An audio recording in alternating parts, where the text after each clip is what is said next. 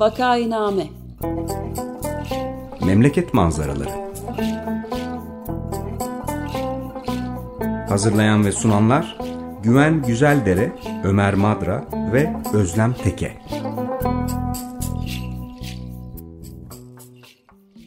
Vakainame'ye hoş geldiniz. Günaydın. Burası Açık Radyo 95 FM. Ee, Vakainame programını Ömer Madra, Özlem Teke ve ben Güven Güzeldere birlikte hazırlayıp sunuyoruz. Bugün konuğumuz Boğaziçi Üniversitesi'nden Profesör Taner Bilgiç. Hoş geldin Taner. Merhabalar, hoş bulduk. Teşekkür ederim. Hoş geldiniz, merhaba. Merhaba. Merhabalar, konuğumuz Profesör Taner Bilginç, lisans ve yüksek lisans derecelerini Orta Doğu Teknik Üniversitesi'nden, doktora derecesini Toronto Üniversitesi'nden endüstri mühendisliği alanında aldıktan sonra 1997'de Boğaziçi Üniversitesi'ne öğretim üyesi olarak katılmıştır. Halen Endüstri Mühendisliği bölümünde öğretim üyesi olarak görev yapmaktadır. Araştırma ilgi alanları arasında karar ve oyun kuramı, bunların tedarik zinciri, teknoloji ve üniversite yönetimine uygulamaları sayılabilir. Boğaziçi Üniversitesi'nde bölüm başkanı, uluslararası akademik ilişkilerden sorumlu rektör danışmanı, üniversite yönetim kurulu üyesi, üniversitelerde yönetim yapılanması komisyonu başkanı gibi görevlerde de yer almıştır. Hoş geldiniz hocam. Çok teşekkürler, hoş bulduk. Ee, şimdi bundan yaklaşık tam iki sene kadar önce 2021'in e, ocağının ikinci gününde e, Boğaziçi Üniversitesi'ne geleneklere aykırı ve e, öğretim üyelerinin rızası alınmadan, fikri sorulmadan dışarıdan bir rektör ataması yapıldığı haberiyle uyandık. 2021'e öyle girdik. E, hemen ardından Boğaziçi Üniversitesi öğretim üyeleri birlikte toplandılar ve bunun kabul edilemez olduğuna karar verdiler. E, izleyen günlerde de e, öğretim üyelerinin başını çektiği ama öğrencilerin, mezunların, çalışanların da katıldığı protestolar başladı. Ve bugüne geldik. Yani şaka maka iki sene geçmiş durumda. Ee, 2021'in başında atanan rektör Melih Bulu işte alışırlar tamam hallediyoruz filan demesine rağmen işte 6 ayını dolduramadan galiba görevden alındı gitti. Onun yerine bu sefer okulun içinden bir isim ama yine geleneklere aykırı ve öğretim üyelerinin e, fikri sorulmadan atandı Naci İnci. O rektörlüğe devam ediyor. Şimdi biz bunları e, 2021'in başından beri çeşitli programlarda parça parça ele almaya çalıştık ama belki bir genel kilometre taşlarını hatırlatmak açısından bir özet iyi olabilir. Ee, onun ötesinde de bugün e, Boğaziçi Üniversitesi ne durumda, protestolar ne durumda, neler düşünülüyor, neler yapılıyor biraz bir e, güncelleme alalım istiyoruz. Bir de son olarak e, Taner senin de katıldığın Türkiye Yüksek Öğretim Alanı'nın yeniden yapılandırılması çalıştığı diye bir çalıştay oldu. Yazın e, işte yaklaşık 6 ay önce e, ve bir rapor e, yayınlandı. Raporda yeni yayınlandı sayılır Kasım ayının e, sonlarında. Bence çok önemli bir çalışma ve çok e, ümit verici bir çaba. Bundan da program bitmeden bahsedelim istiyoruz diyerek e, özetle girmen için sözü sana bırakayım. Çok mersi, teşekkür ederim. E, hakikaten öyle iki yıl olmuş. E, 2 Ocak sabahı e, söylediğin e, haberle uyandık. E, Melih Bulu'nun rektör olarak atandığı. E, bu Melih Bulu'yu tanıyan az sayıda insan için de bir sürpriz oldu ama tanımayanlar için de çok büyük bir sürpriz oldu. Zaten e, ilerleyen günlerde kamuoyu da e, hemen tanıdı. Tam dediğin gibi e, öğretim üyeleri ilk önce aslında e, Senato'nun en yaşlı üyesi e, bütün senatoyu topladı ve dedi ki hani ne yapacağız? Bir hani görevimizde devam ediyormuş. Çünkü Melih Bulu'nun gelmesiyle birlikte aslında öğrenci protestoları hemen başladı. E, ve büyük bir polis ablukası altına girdi üniversite. iki ay kadar. E, e, bu şartlar altında üniversite devam edebilir mi? Devam edelim mi etmeyelim mi? Senato'nun kararı devam etme yönünde oldu. E, Öğretim üyelerinin nöbetleri başladı. Bu iki yıldır süre gelen e, her gün 15 dakika öğlen e, sırtlarımızı sırtımızı rektörlüğe dönerek yaptığımız e, nöbet başladı. E, kimse Melih Bulu ile çalışmak istemedi. Dolayısıyla e, o da zaten e, yetkili kurulları toplamadı. E, gelin çay içelim falan gibi şeyler söyledi ama insanlar da ona e, dediler ki hayır yani bir yetkili kurulları tutanaklı gündemli toplarsanız konuşabiliriz. Bir de hani polisin derhal kampüsten çıkması gerekir. Uzunca bir süre böyle geçti. 3 Şubat günü ilginç henüz hala hiçbir yardımcısı yokken Melih Bulu'nun. Melih Bulu iki tane mektup yazdımış YÖK'e hukuk fakültesi açılması, iletişim fakültesi açılması. Üçer satır. 3 Şubat. 4 Şubat'ta YÖK Genel Kurulu toplanıp buna onay vermiş. 5 Şubat'ta Cumhurbaşkanlığı kararnamesiyle resmi gazetede yayınlanarak Boğaziçi Üniversitesi'nde iki adet yeni fakülte kuruldu. Kimsenin haberi yok üniversitede. Ee, bir başka şaşkınlık tabii. Arkasından e, yaklaşık 700 kişilik öğretim üyesi kadrosunda 3 e, kişi rektör yardımcılığını kabul etti. Naci İnci de bunlardan biri. E, hemen arkasından hukuk fakültesine kurucu bir dekan atandı. Doğal olarak e, üniversite dışından. Bu dekan da hukuk fakültesinin ilk kadrolarını kurduktan sonra 2022'nin yazında hukuk fakültesine ilk kez öğrenci alınacakken öğrenci tanıtımlarının yapılacağı günün bir gün öncesinde sağlık gerekçeleriyle istifa etti. Naci İnci Hukuk Fakültesi e, dekanlığını vekaleten yürütüyor. Naci İnci Melih Bulu rektörken ve kendisi rektör yardımcısıyken e, bir hafta Melih Bulu'nun bir sağlık raporu aldığı bir hafta rektör vekilliği yaptı. O vekaleti sırasında mühendislik fakültesi dekanını görevden aldı aldırdı YÖK'e. E, gelen yazı o yönde. E, ve kendi yardımcısı e, e, Fazıl Sönmez'i vekaleten Mühendislik Fakültesine dekan atattı.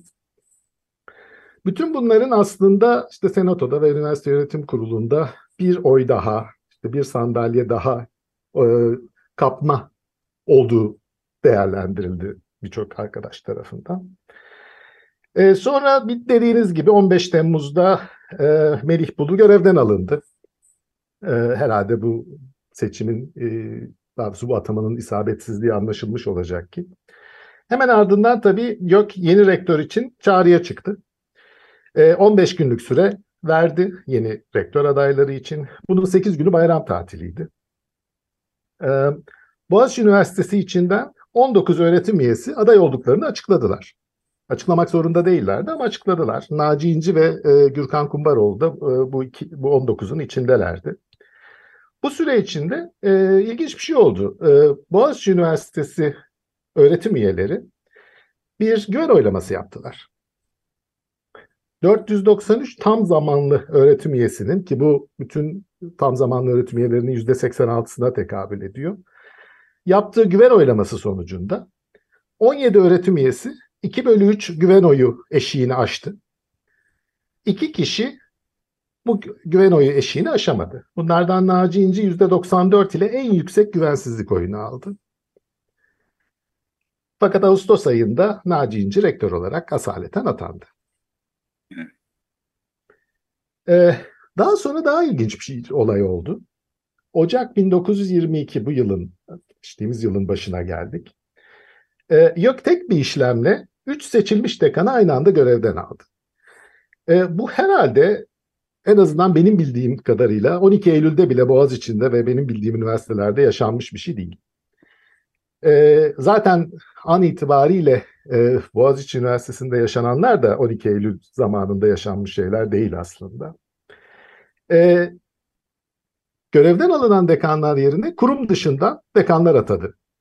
Yok rektörün isteğiyle öyle olmak durumunda. Ee,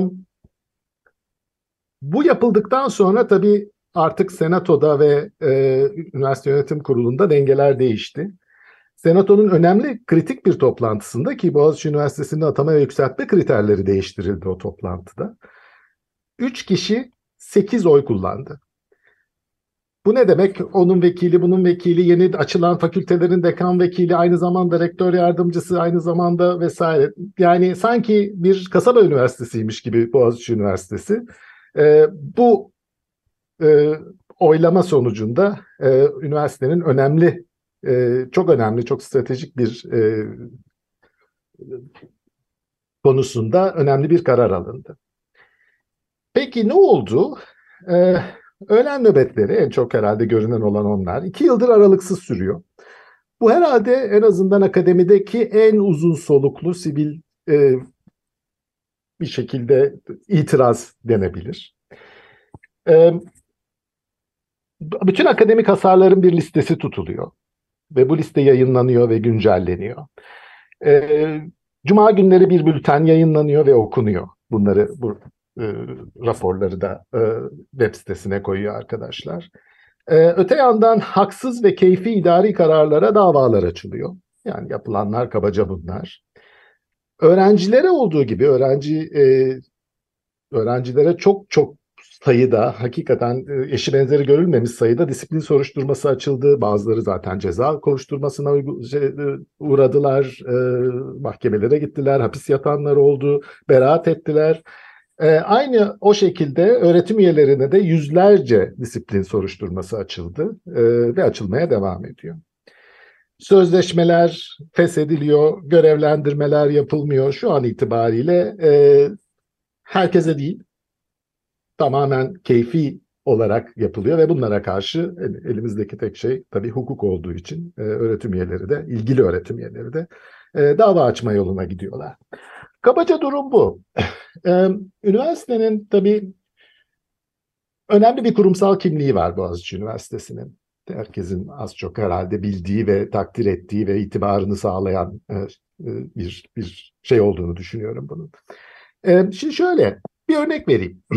Bizim bütün toplantılarımız Boğaziçi Üniversitesi'nde herhalde dünyanın her yerinde olduğu gibi bu e, Robert's Book of Order vardır. Herhangi bir toplantının nasıl yürütüleceğine dair basit kuralların olduğu basit bir, bir e, manzumedir bu.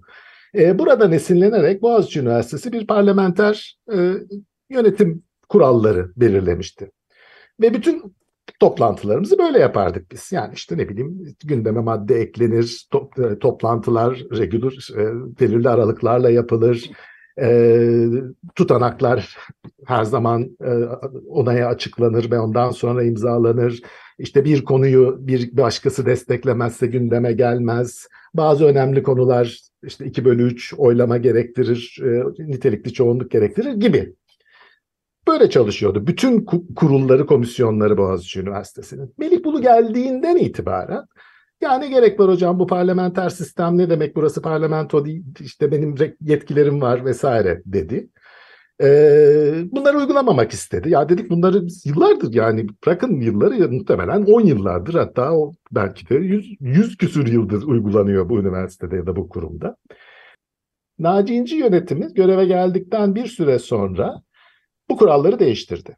Şu anda Boğaziçi Üniversitesi'ndeki toplantı usul ve esasları tamamen toplantıyı yöneten rektör, rektör yardımcısı ve dekanın seçtiği, gündemi belirlediği, istediğini koyduğu, istemediğini koymadığı, bir, bir sürü keyfi karara kendi imza attığı bir şekle dönüştü. Öyle ki şu anda muhtemelen ne bileyim bir hemşerilik derneği, bırakın dernekleri, herhangi bir apartman yönetiminin toplantıları bile Boğaziçi Üniversitesi'nden daha da e, demokratik durumda. Evet, ben de bir şey sorabilir miyim? Tabii buyurun. Daha doğrusu iki şey aslında. Bir tanesi bütün bu anlattıklarınız biz de takip etmeye çalışıyoruz radyoda düzenli olarak olup bitenleri bütün bunları kapsayan bir e, Bourgeoisie'nin gizli çekiciliği filmi bundan tam 50 yıl önce çekilmiş olan Louis Buñuel'in sürrealisti yani gerçeküstü sinemanın başyapıtlarından biri olan şey Mithat Alam Film Merkezi'nde her gün oynatılıyor mu? bir bunu sormak istiyorum. Bir de ikinci olarak bu büyük de bir uluslararası destek aldı. Yani dünyanın san, çok önde gelen en, e, akademisyenleri, entelektüelleri, düşünürleri, yazar ve çizerleri de uluslararası büyük bir destek verdiler. Yani dünya çapında da çok sık rastlanan bir şey değil gibi geliyor bana. Ben süre ve kapsam olarak bu direncin yani öğrencilerin ve biraz önce de sözünü ettiğiniz akademisyenlerin birlikte yürüttükleri çok ciddi bir direnç. bunun e, da uluslararası planda çok fazla örneği var mı yok mu bilmiyorum. Siz buna da bir cevap verir misiniz? İki sorun bunlar. Tamam. Ee, Mithat Alan e, Film Merkezi ve aslında bir takım başka merkezler konusunda da evet e, onları da atladım e, tabii seçmek zorunda olduğum için. E, maalesef bunlar işlevsizleştirildi. Ee, İstanbul Matematiksel Bilimler Merkezi kampüs dışına çıkarıldı. Ee, Mithat Alan Film Merkezi işlevsizleştirildi ve İletişim Fakültesinin anladığımız kadarıyla e, ukdesine e, tahsis edilmiş görünüyor. E, orada çalışanların sözleşmeleri e, feshedildi. E, bunun gibi birçok araştırma merkezi var oldukları yerlerden çıkarıldılar e, ve başka bir işte bir Kuzey Kampüs'te bir binada küçük odalara topla, toplandı toplandılar. E, bunlar devam ediyor. Bunlar e, maalesef devam eden e, şeyler. Bunlara karşı da benzer hukuki e, yollara elbette gidiliyor. Ee, diğer taraftan uluslararası destek ve aslında toplumun gösterdiği Boğaziçi'ne ilgi, e, bu tabii kurumun itibarıyla ilgili bir şey. Çok doğru söylüyorsunuz. Hem e, bizim e, onursal doktora verdiğimiz kişiler hem e, önemli yurt dışındaki akademisyenler çeşitli vesilelerle desteklerini ifade ettiler, etmeye de devam ediyorlar. E, bu hakikaten kurumun itibarı ile ilgili bir şey. Bu kurumun haklı itibarı işte, işte 160 senelik neredeyse bir eğitim kurumu ve 52 yıllık bir kamu üniversitesi, kamu araştırma üniversitesi olmasının getirdiği e, haklı itibarın tepkisi. E, kamu toplumda da benzer bir şey oldu. Yani toplum e, Boğaziçi Üniversitesi'ni dinledi. Bu e, bunu önemsiyorum. Yani toplumun Boğaziçi Üniversitesi'ni dinlemesinin e, ya da ne oluyor orada diye sormasının e, çok büyük bir önemi var. Çünkü e, üniversite dediğimiz şeyi e, az sonra zaten sözünü etmeye çalışacağım. Sözü doğruya getirmiş olayım.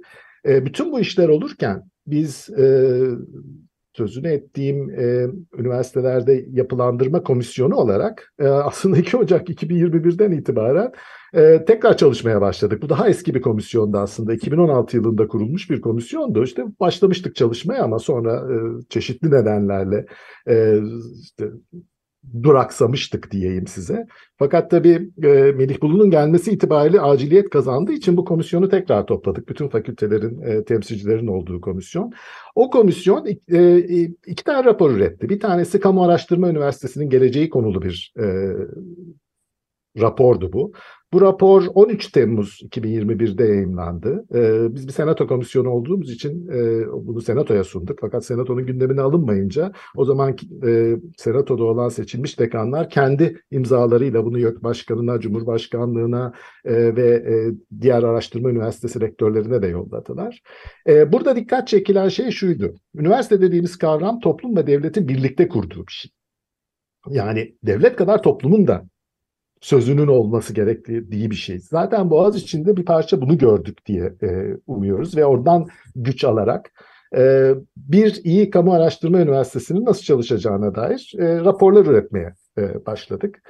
E, aynı komisyon 15 Haziran 2022'de de yüksek öğretimin temel ilkeleri raporunu e, üretti. Bunların tümü Boğaziçi Üniversitesi'nde ve Boğaziçi Üniversitesi'nin tipik yönetim biçimleri şeklinde üretildiler. Yani dekanlar aldılar bunu e, bir akademik birimlere görüş sordular. O görüşler toplandı, komisyon bunları tasnif etti, tekrar birleştirildi. Uzunca bir süreçti bu. Fakat hani o anlamda da e, güçlü raporlar oldu diye düşünüyoruz. E, bir Boğaziçi içinde biz en azından ha demek ki böyle fakat hani bu sadece Boğaziçi için değil bütün üniversiteler için aslında geçerli e, noktasına geldikten sonra dedik ya bu konuyu biraz daha başka arkadaşlarla da konuşalım.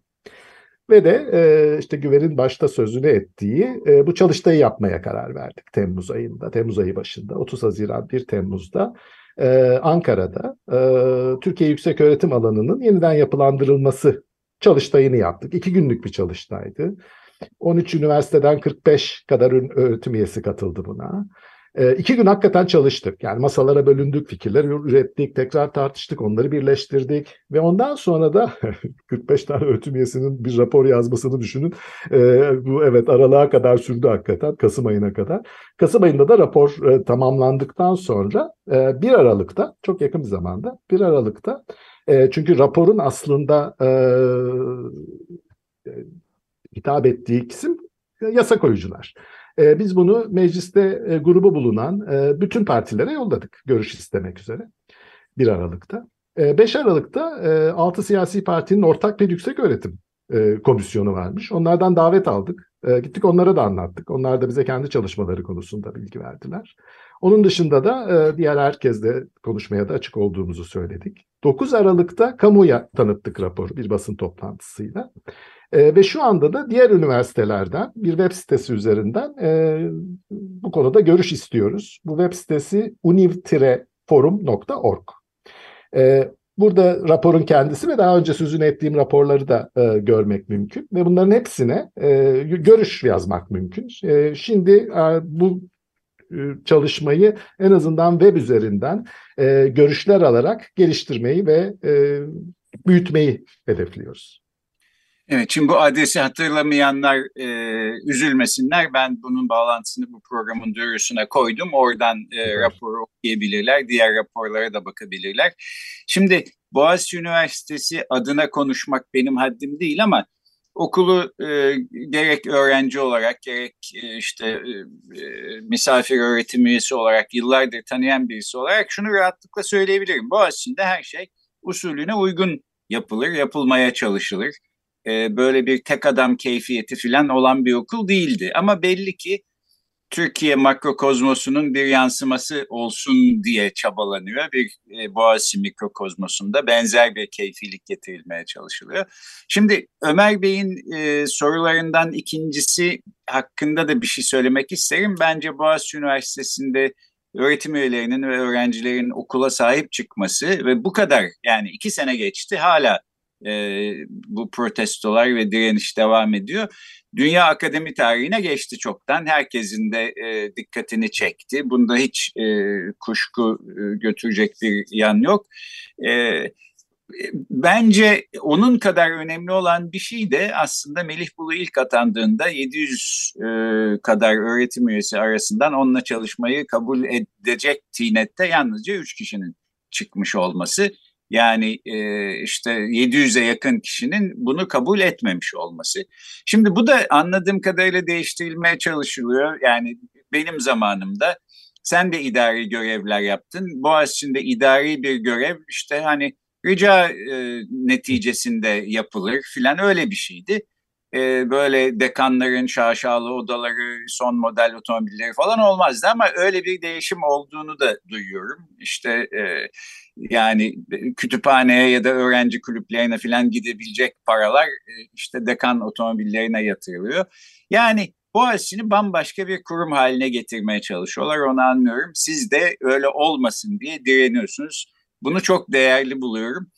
Ee, buradan da konuyu bu Çalıştay raporuna da getirmek isterim. Ee, yani bu Çalıştay'ın katılımcıları arasında daha önce bizim konuğumuz olmuş tanıdık isimler de e, gördüm. İşte Lala Karun, Mine Eder, Üstüner Güder filan gibi. Böyle bir e, karanlık dönemde bile Türkiye'de yüksek öğrenim alanı nasıl yeniden yapılandırılabilir diye e, işte bir takım aklı başında insanların bir araya gelip böyle bir rapor üretmelerini ben çok ümit verici buluyorum doğrusu. E, umarım günün birinde bu gök saçmalığından e, kurtulup e, Türkiye'nin hak ettiği türde bir e, yüksek öğrenim e, sistemine kavuşuruz. Belki programın şimdi sonlarına doğru da yaklaşıyoruz. E, bu Çalıştay sonuç raporu hakkında ya da genel olarak Boğaziçi Üniversitesi'nin geleceği hakkında filan e, ne söylemek istersen e, sözü sana bırakalım. Tamam. Evet bir iki dakikamız kaldı galiba. Tamam. E, rapor e, kabaca aslında e, bir hak temelli başlıyor. Akademik özgürlük hakkını e, kullanmak için kurumsal olarak özel bir üniversite tarif ediyor. Bunun e, alt kırılımlarını veriyor. İdari, mali ve akademik olarak özerk olmak ne demek. Fakat bu özellik keyfiyete dönüşmesin diye bir yönetim biçimi de öneriyor. Ve de kalite ve akreditasyon kurullarıyla bunu destekleyen ve akademik etiği sağlayan ve aslında bence raporun en önemli kısımlarından bir tanesi bütün dünyada ve herhalde Türkiye'de de e, akademik ortak değerleri üzerine bunu ko- koyuyor.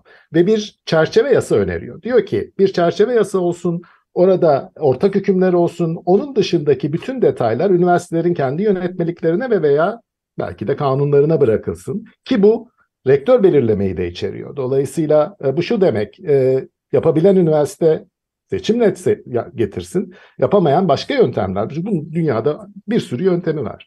E, onu söylüyor. E, bunu yaparken de tabii yüksek öğretimin üst yapılanmasına da dokunuyor. Diyor ki YÖK'ü kaldıralım. Onun yerine icra gücü olmayan bir kurul, istatistik tutan bir kurul olsun. E, bir e, yeniden yapılandırılmış bir üniversiteler arası kurul olsun ve de e, kalite ve akreditasyon kurulu da özerk olsun. Bunların hatta üçü aynı şehirde dahi olmasın. Bu üçlü ayakla bütün Türk öğretim, yüksek öğretim sisteminin e, yönetilebileceğini düşünüyor. Birkaç enteresan şeyi var. Akademik ünvanların, doçentlik, profesörlük gibi sadece üniversite içinde kullan, kullanılmasını öneriyor. Bütün Türkiye'de değil. E, ve de meslek içinde aynen doktorlarda ve e, avukatlarda ve daha hukukçularda olduğu gibi meslek sınavları sonunda mesela ben mühendislik fakültesindenim e, mezuniyet yetmeyecek. Üzerine bir de e, meslek sınavı olacak ki o imza yetkisine sahip olalım. Bunları yaparsak Türk öğretim yüksek öğretim sistemini e, ve de Türkiye'nin üniversitelerini ve Türkiye'nin gelecek nesillerini kurtaracağımızı düşünüyoruz. Evet, devrimci bir dönüşüm gibi gözüküyor anlattıklarınız yani. Peki biz de e, o zaman size başarılar diliyoruz. E, ümitle bekliyoruz bu dönüşümün e, gerçekleşmesini. E, bütün Boğaziçi Üniversitesi bileşenlerine de aslında e, bu şekilde davrandıkları için bence bir teşekkür borcumuz var. E, onu da ileteyim. E, son olarak e, gelecek hafta e, bu konudan bir parça daha devam ediyor olacağız. E, çok yeni yayınlanmış bir kitap var. Üniversitede Direniş ve Dayanışma, e, Yıkım, Sömürü ve Sivil Ölüm Rejimine Karşı Durmak diye. E, derleyen üç kişiden birisi bir akademisyen, e, psikolog Profesör Serdar Değirmencioğlu konuğumuz olacak. Bu kitaptan bahsedeceğiz. E, bugün Boğaziçi Üniversitesi'ndeki son durumu ve Türkiye'de yüksek öğretim alanının yeniden yapılandırılması üzerine yapılan e, çalıştayın sonuçlarını konuştuk. E, konuğumuz Boğaziçi Üniversitesi'nden Profesör Taner Bilgiç'ti. Çok teşekkür ediyoruz Taner. Ben teşekkür ederim. Çok teşekkürler.